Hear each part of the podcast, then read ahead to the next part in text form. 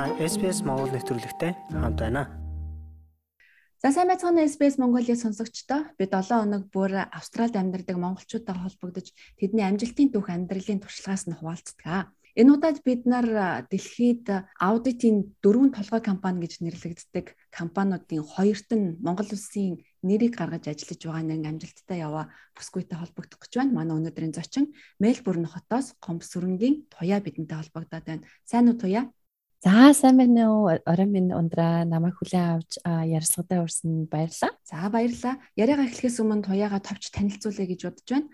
За сая дурдсанчлан туяа өмнө Deloitte-д ажиллаж байсан. За харин яг өнөөдрийн байдлаар бол PwC-д бизнесийн зөвлөгчөөр ажиллаж байгаа. За мөн үүний хажуугаар өөрөө хуваараа career coaching, mentorship хийдэг. Монаши их сургуульд олон улсын харилцаагаар төгсөөд дараа нь Дэйкэнд олон улсын санхүү нэгтлэн бодох магистраа хамгаалсан ийм бүсгүй. За бүр ахаад урагшлуулад ярих юм бол Бээжин дипломатын хүрээлэнд гадаад харилцааны ахлах ажилтнаар ажиллаж байсан гэх мэтчлэн карьерийн дандаа өссөн, дандаа суралцсан сайхан төвхийг бид нар туяагаасаа суралцах байхаа гэж бодож байна. Завгүй амьдралынхаа дунд бид нар цаг зав гаргаад өөрийнхөө тухай ярих гэж байгаад маш их баярлалаа. За баярлалаа ундраа. Ямар танилцуулга өгсөн бэ? Баярлалаа. Уяа Австралид хизээ ирсэн бэ? Хэр удаж байгаа вэ? За би 2016 оны 2 сард Монаш их сургуульд олон улсын харилцаагаар магистр хамгаалах гэж ирсэн.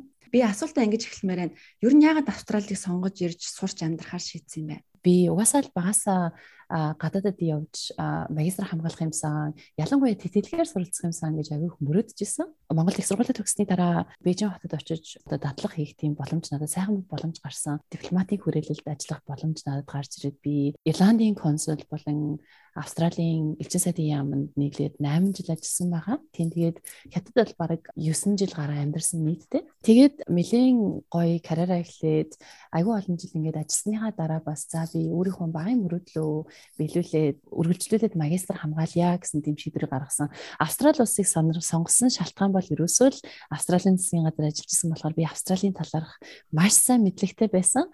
Тэгээд угаасаа Австралийн боловсрол дэлхийд нэлээд сайн дээр ордог. Дээрэс нь Австралийн амьдрах одоо орчин айгүй гоё. Ялангуяа Мельбурн хот дэлхийн одоо Ливерпул буюу хамгийн амьдрахад тухтай орноор айгүй олон жил хамгийн ихэнд нь явж агаад тэгээ сүүлийн хэдэн жил алчих шиг болсон. Тэрнээс шалтгаалаад ер нь бол Австралид ирж суралцъя гэсэн шийдвэрийг гаргаж ирсэн. Тэр бол айгүй амархан шийдвэр тий. Тэгээд Монашийн их сургууль олон улсын харилцаагаар сурдаг шалтгаан маань бол олон улсын байгууллага, нэгдсэн үндэсний байгууллага ч гэдэг юм уу тий. Ер нь тийм хөгжлийн байгууллагуудад ажиллах багын бас мөрөөдөл байсан. Тэгээд тэр нь тэр зорилгодоо магадгүй хүрч болох юм аа гэж одоо олон улсын харилцаагаар суралцах юм шийдвэрийг гаргасан юм. Тэгээд би хэрвээ одоо нөгөө нэг development байгууллагуудад одоо манлайлах ажил хийя гэж мөрөөд шахах юм бол би эхлээд мэдээж бизнесийн санхүүгийн олголттой байх хэрэгтэй байна гэсэн шаардлагаас үндэслээд би үргэлжлүүлээд Deakin их сургуулийн олон улсын санхүү болон нягтлан бодох гэдэг мэрэгжлийг том шийдвэрийг гаргаад аюу хацтай бас Deakin их сургуулийн цаглын нэрмжид 100% тэтгэлэгтэй хоёр дахь магистра хамгаалсан. Ер нь 4 жилийг ер нь бол жинхэнэ номтой тэрвэрлэж өнгөрөөсөн дөө. Таны миний танилцуулсан товч танилцуулга дотроос онцолж харахаар хоёр том байгууллагыг би нэрлэж ирсэн л та. Deloitte болон PwC-д ажиллаж байгаа энэ компанид орох боломж яаж өөрт чинь нэгдэв? Өөрт нэгдэв гэхээс илүү яаж энэ боломжийг өөртөө нээв гэж би асуултаа засмаар байна л да. Тэгэхээр яаж энэ ажлуудад оров тийм ээ? Энэ туршлагаасаа бас хуваалцаач. Тэглэв яг уу би сургуулаа төгссөнийхаа дараа эсвэл төгсөхээ энэ Big 4 энэ дөрвөн том байгууллагын нэгэнд нь би ажилд орчие тийм зорилго угаасаа би яг хоёр дахь магистраа хэлэхдээ яг тэр зорилгоо тавьж исэн. Хамгийн эхний алхам ерөөсөө л би зорилгоо бол аюулсан тодорхойлсон. Тэнгүүдээ би байнга нөгөө нэг дадлах хийх боломжийг би сургуулаасаа дотроосоо хайж гэлсэн байхгүй юу? Тэгээд Deakin их сургууль маань Австралидаа ингээ ранкингийг харах юм бол employability буюу ажилд орж байгаа байдлууд нь group aid буюу одоо нөгөө нэг том 8 сургуулиудын оюутнууд ингээ харьцуулахад хамаагүй илүү байл. Тэгээд би Deakin их сургуулийн дотоод санхүүгийнх нас одоо цацагт нь яг ажлын гаргаа эхэлж ирсэн. Одоо датлагын ажил хийжсэн гэсэн үг. Тэгээд тэр чинь маань л ерөөсөө хөөх юм Geelong байдаг. Deakin-ийн хамгийн том нөгөө нэг кампус нь Geelong-ийн Warren Pond гэд кампус байдаг байхгүй юу. Тэрнлөө би өглөө эрт 5 гэж басаад нөгөө нэг regional train нэг цаг гараа явдаг штэ. Тэрэн цугаал явж татлах хийж хамгийн анхныхаа гараа эхэлж исэн. Тэнд 3 сар нэг семестр татлах хийснийхаа дараа үргэлжлүүлээд би Deacon их сургуулийнхаа employment hub-д зарлагдсан ажлын заруудыг харж байгаа. Бас нэг тийм жижигхэн байгууллага бас л өрсөлдөж байгаад ажиллах тийм ажлын саналыг авсан. Тэр нь бол part time 20 цагаар ажиллах боломжтой. Тэнгүүд чинь би тодорхой хэмжээний аудитын мэрэгчлээ болчлоо шүү дээ. Одоо мэрэгч одоо дадлагтай болоод мэрэгчлээ болоод одоо experienceтэй болчлоо тийм ээ. Тэнгүүд чинь одоо би Deloitte гэсэн тэр байгууллагт одоо эсвэл ямар нэгэн өөр Big Four-д орох боломж маань хамаагүй илүү болчлоо гэсэн үг. Яагаад вэ гэхээр бусад оюутнууд маань ихэнх гадаадын оюутнууд эсвэл одоо Австралийн оюутнууд гэсэн цагийн ажил хийхдээ яг мэрэгчлэрээ цагийн ажил хийдэггүй. Мэрэгжлийн бус байдлаар цагийн ажил хийдэг болохоор яг сургуулаа төгсөнгөт чинь тухайн хийсэн ажил чинь яг тийм experience болж одоо таныг ажилд авч байгаа тэр employment тийм ээ ажлын байгууллага одоо тийм attractive харагдаж чаддгүй байхгүй. Тэрийг угаас би яг угаасаа анзаарчихсан байсан болохоор би айгүй systematic маягаар өөрийгөө бэлдсэн гэсэн үг. Тэгээд хамгийн би одоо айгүй урт ингэж байдлаар хэллээ. Ягаад гэвэл Deloitte-д орно гэдэг маань ерөөсөө л тэр нөгөө нэг Deloitte-д очисон альчлалын ярилцлага бол намайг Deloitte-д оруулаагүй байхгүй юу. Ерөөсөө л миний энэ 2 жилийн хугацаанд мэрэгчлэрээ хийжсэн ажил энэ бүхэн чинь нийлээд миний Deloitte-д орох одоо ярьцлын ярилцлагад маш эргээр нөлөөлж чадчихна гэсэн. Deloitte-д орсон маань бас айгүй сонирхолтой ундраа. А миний хамгийн сүүлийн семестрт маань аудитинг team unit хичээл орж исэн. Тэгээд одоо хичээлийн гадуурх team нэг үйл ажиллагаанууд аяг зохион байгуулдаг байхгүй юу? Нэг үйл ажиллагаа нь болсон чинь Deloitte-ийн аудитинг салбарын нэг захирлыг ураад нэг team онлайн хөтөлбөр зарлагдсан байсан. Тэгээд би тэрийг утсан дээр тэмдэглэж аваад энэ дээр очиж би энэ Deloitte-ийн захиралтай танилцж өөрийнхөө нэрийг мэдүүлж би энэ танай байгууллагад ажилд яаж орох вэ гэдэг асуултыг асууна гэдгийг шийдсэн. Тэгээд тэр нь болохоор нэг 5 дахь өдрийн оройн 5 цагаас надаас өөр ямар ч оюутан ороогүй. Тэр онлайн ивентэд. Тий яагаад вэ гэхээр нөгөө нэг хичээлийн гадуурх тийм хөтөлбөрүүд бүгдээрээ тийм рекордд болчдөг байхгүй юу?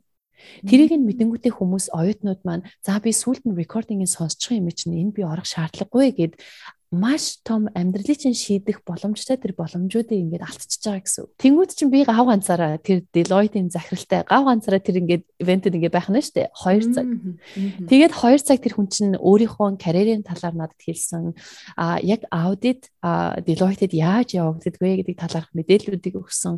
Би тухайн хүнд тухайн боломжийг бас ашиглаад би бас ингээд одоо ийм мэрэгчлэр сурж байгаа. Урд нь би ийм ажил хийж исэн. Би тэгээд Deloitte-д орох амар тийм хүсэл зоригтой. Дээрэс нь би сүүлийн 3 семестрт part time-аар тий а одоо хагас цагаар аудитор ингээд ажиллачихсан ийм гой мэрэгчлээ гээд ингээд оронгууд чинь тухайн хүн чинь намайг нэгдүгээрт хамгийн ганцхан оюутан ингээд ороод ирж байна. Бас өөрөө аягүй сайн бэлтгэлтэй гэдэг утгаараа намайг аягүй сайн хүлээж авсан байхгүй юу. Тэгээд тэр хүн маань яг тэр нөгөө нэг ивент дуусны дараа заа чи намайг LinkedIn дээрээс олоод надтай холбогдоорой. Аа тэгээд над руу резюмегээ явуулаарай гэж хэлсэн. Тэрийг л авах гэж бид нар уг нь 2 жил сурж байгаа байхгүй юу? Энэ л connection хийх гэж. Тий яг яс юм дээрээ олвол тий манай сурж исэн одоо натаа хам сурж исэн оюутнууд нь бүгд л би Deloitte-д ормоор ингээл мөрөөдөж байна. Гисэн хэдий боловч яг нэг ийм гоё Deloitte-ийн захирал ирж байна гэд ийм гоё үйл ажиллагаа болж байхад хинж ерөөсөө ирээгүй. Энэ бол ерөөсөө оюутнууд харагдаж байгаа нийтлэг алтаа ахгүй юу? Тэгээд би тухайн хүнтэй LinkedIn дээр холбогдлоо. Resume-гээ явууллаа. Тэгсэн чинь хэдэн хоногийн дараа би чамайг нөгөө нэг чиний нөгөө нэг тохирох юм албатай чинь ингээд холбоо төглөө чи энэ хүмүүстэй холбогдоод одоо сонирхоорой гэж зүгээр эхний хаалгыг надад нээгээд өгсөн байхгүй юу. Тэгэл тэрнээс хойш мэдээд ойлгомжтой нөгөө нэг үе шатны ярилцлагууд явагддаг шүү дээ тийм ээ. Тэр ярилцлагуудыг явсаар хагаад ихэнх Deloitte энэ гэсэн Big Four орж байгаа хүмүүс маань ихэнхдээ нөгөө нэг grad role, graduate role гэдэг нь ерөөсөө л шин төгсөгчдийн одоо тийм албан тушаал гэсэн үг. Тэгээ би тэр албан тушаалд нь орох бас сонирхол байгаагүй. Яагаад гэвэл би урд нь 6 8 жил ажилласан байгаа. Хичнээн би их сургуулиуд дөнгөж төгсөж байгаа боловч би бас шин төгсөгч бол биш гэдэг утгаараа би тэрний дээдлийнх нь албан тушаал буюу analyst гэсэн тийм албан тушаалд нь орчих юмсан гэж би айгу мөрөөдөж исэн. Яг тэгээ тэр analyst гэдэг албан тушаалд орох тийм ажлын урилга сүүлийн семестрээ төгсөг байхдаа авчилаа. Тэгээд сургуулаа төгсгөөсөн өмнө 20 цагаар Deloitte-д ажиллаж эхэлсэн. Тийм тэгээ сургуулаа төгснөхийн дараа бүтэн цаг болгоод ажилласан байгаа. Ер нь бол яг ийм төвхтэй. За тэгээ Deloitte-д орчлоо. Тэгвэл одоо бол PwC-д ажиллаж байгаа. Тэг ягаад энэ хоёр компаниг ингэ солих вэ? Би бол ингэж хардаг байхгүй юу? Хүн байнга хөгжиж явах хэрэгтэй. Тэгээд нөгөө stagnation буюу ингээд ямар нэгэн ингээд нэг тийм зогсолттой байдалд ерөөсөө орж болохгүй. Тэр зогсолттой байдалд орж байгаа нь болохоор угаасаа ингээд мэдрэгддэг байхгүй юу? Шинэ юм сурах одоо юм байхгүй болчлоо энэ албан тушаалт чинь. Яг нэг тийм нэг жил ажилласны дараа надад бол яг тийм мэдрэмж төрсөн. Тэгээд манай дотоодын маань захирал маань чамд ер нь энэ нөгөө нэг дотоод нөөцийг ингэж зохицуулах стратегийн бодлогыг гаргаж байгаа ажил чамд ер нь айгүй тохирох юм байна гэд би Deloitte-ийн аудитын тасагт нь орж resource management гэж хэлдэг. Тэгээд тэрэнд орж бас жил гарan ажиллаж байгаад бас айгүй гоё юм сурсан. Тэгээд тэрний дараа би PwC-д орох шалтгаан маань эхний шалтгаан нь болохоор би консалтинг руу орох айгүй сонирхолтой байсан. Ялангуяа консалтинг дотроо government consulting тэгээд PwC нь болохоор засгийн газрын бодлогын хүрээнд ажилладаг а яг тийм тусгай тийм тасаг байдаг. Би тэр тасагт нь ажилладаг байхгүй юу? Би угаасаа өөрөө урд нь Австралийн засгийн газарт 6 жил ажиллажсэн болохоор бас ер нь бол засгийн газрын бодлого иргэдийн амьдрал дээр ямар их нөлөө гаргадаг вэ? Тэгээд энэ улсын бодлогын зохицуулалтын газар дээр одоо консалтинг хийдэг тасагт нь орж ажиллах боломж нэгдсэн. Тэнгүүд нь би мэдээж боломжтой миний ирээдүйн лугаа чиглэсэн зөв чиглэл маань мөн байна гэж үзээд энэ шийдвэрийг гаргасан. Тий. Үнэхээр бахархаж туяа Австралийн засгийн газарт Монгол бүсгүй зөвлөгөө өгдөг гэж ярихад бол бас тэр сайхан байна. Тэгээ хоёлаа энэ удаагийн дугаараа их өндөрлөе. Манай нэвтрүүлэг нэг удаагийн дугаар нь 10 минут үргэлжилдэг. Харин хоёлаа дараагийн дугаартаа Австралид мэрэгчлэрээ ажилд орох зорилготой байгаа хүмүүст зөвлөгөө өгье гэж бодож байна. Ягаад гэвэл туяа маань энэ ажлынхаа хажуугаар career coaching хийдэг ганцхан асуулт тавиад өндөрлөе гэж бодож байна. Австралид монголчууд мэрэгчлэр ажиллах боломж хэр их байгаа вэ? Тэгэхээр Австрал мэрэгчлэрээ ажиллах боломж маш их байна. Ерөөсөө хамгийн гол нь энэ боломжийг бид нар яаж өөрсдөө бий болгох вэ гэдэг л хамгийн том асуудал баггүй юу? За тэгээд үргэлжлүүлээд эх 7 хоногтаа сонсоорой. За баярлалаа өндрөө. За баярлалаа. SPS Монгол хэлээр бидний нэвтрүүлгийг Facebook сошиал хуудасаар бусдаа хуваалцаарай.